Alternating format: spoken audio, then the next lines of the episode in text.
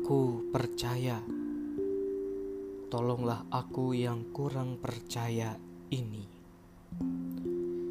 Itulah ungkapan iman dan sekaligus jeritan hati seorang ayah yang anaknya sejak kecil dirasuki oleh roh jahat yang terus-menerus menyiksa dan hendak membinasakan anaknya tersebut.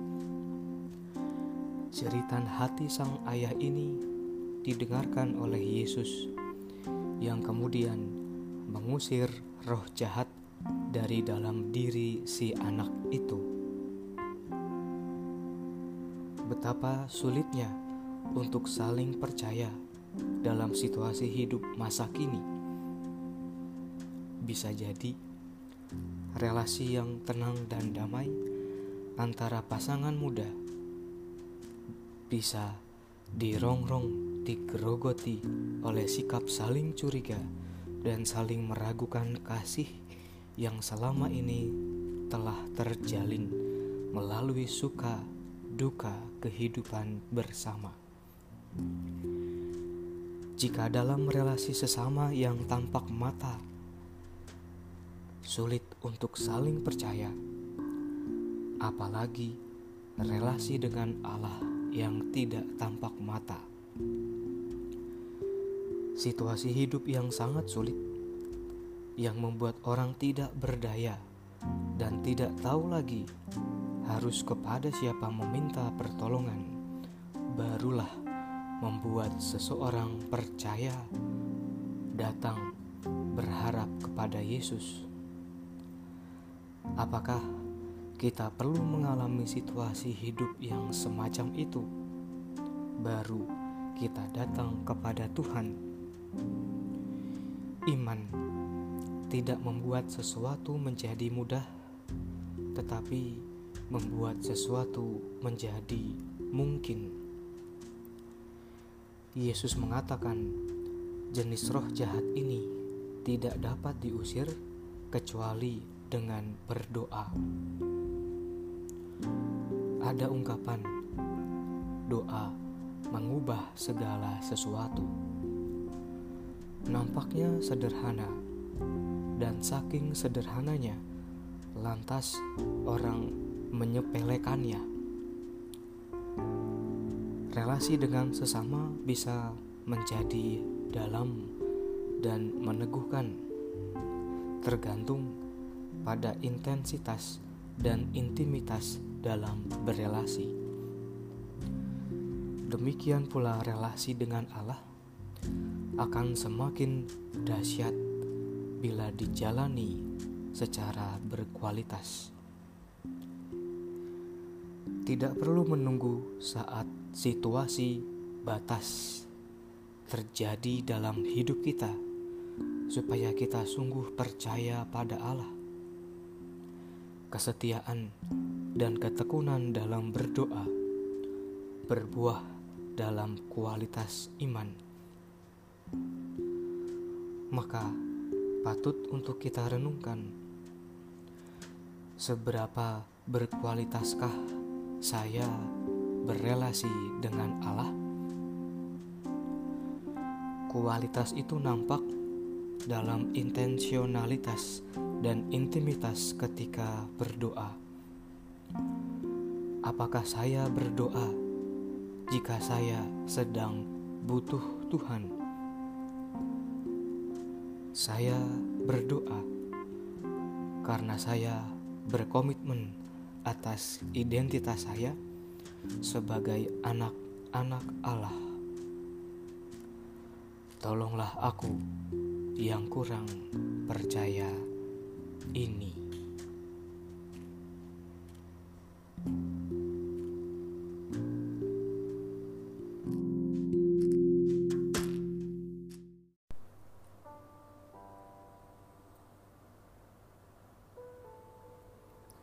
Sesungguhnya aku ini adalah hamba Tuhan. Terjadilah padaku menurut perkataanmu.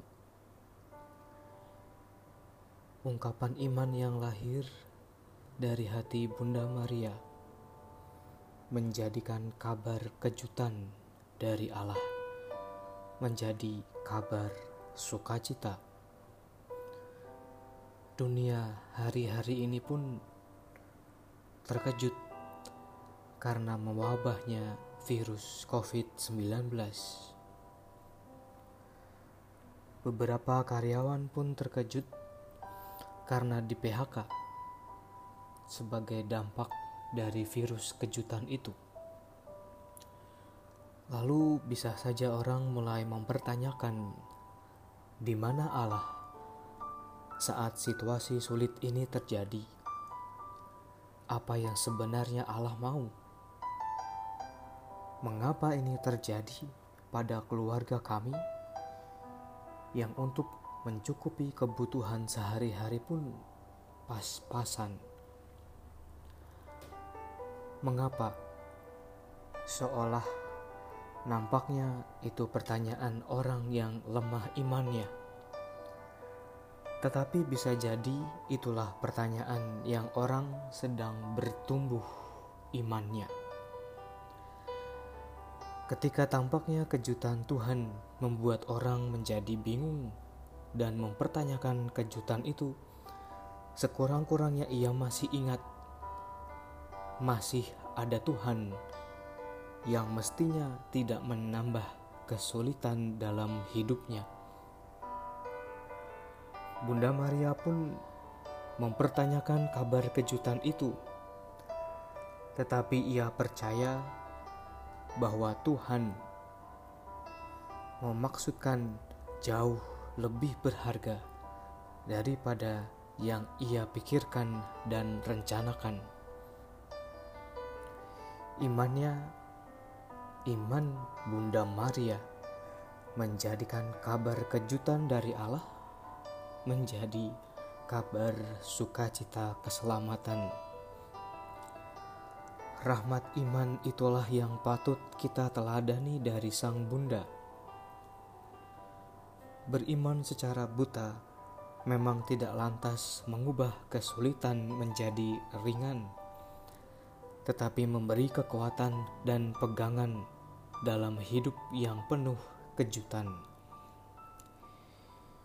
Inilah cara Tuhan menjadikan kita untuk mau peduli pada orang yang membutuhkan bantuan. Kalau banyak orang malah menimbun untuk kepentingan sendiri dan mencari keuntungan, alangkah lebih baik jika kita berani untuk berbuat sesuatu yang sederhana untuk memberi perhatian dan peduli pada mereka yang lebih sulit keadaannya. Dengan begitu, kita menjadi seperti Bunda Maria yang bisa mengubah kabar kejutan menjadi kabar sukacita. Maka, kita pun menjadi pribadi yang beriman dan menjadi pewarta kabar sukacita keselamatan yang nyata. Tuhan memberkati.